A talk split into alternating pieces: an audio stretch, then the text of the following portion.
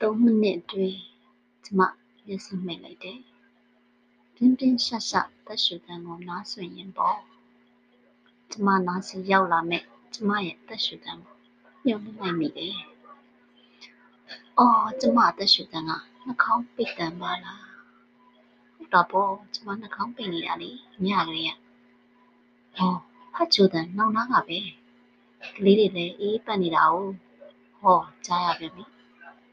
ထုံများပါပဲ။ဟန်းသံကလည်းတော်ရုံတရုံပေါ့ဟဲ့တမင်များလုပ်နေလားထင်ရတယ်။အော်ငါတော့ချောင်းဟန်ကျင်လာပြီ။อืมနှာခေါင်းစီပြန်ပေါ်မှာပါ။အင်းရှူလိုက်အောင်မယ်။ဟောရှူနေတာလားထုံနေတာများလား။ဒီနှာခေါင်းကလည်းဒီချိန်ဆိုပိတ်နေတာပဲ။ညတော့ခေါင်းကိုတိတိကျကျပေါင်းအိမ်အောင်မှာပါ။ခြေတော့ကိုအေးလို့ထင်ပါရဲ့။ညတော့ခြေတော့စီးတာရက်ထားရမလားပဲ။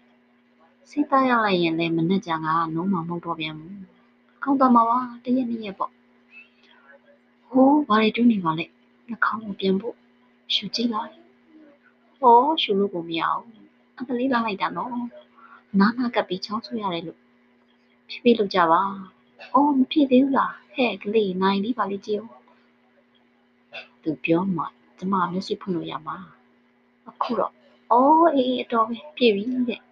တော်သေးတာပေါ့။3မိနစ်မလို့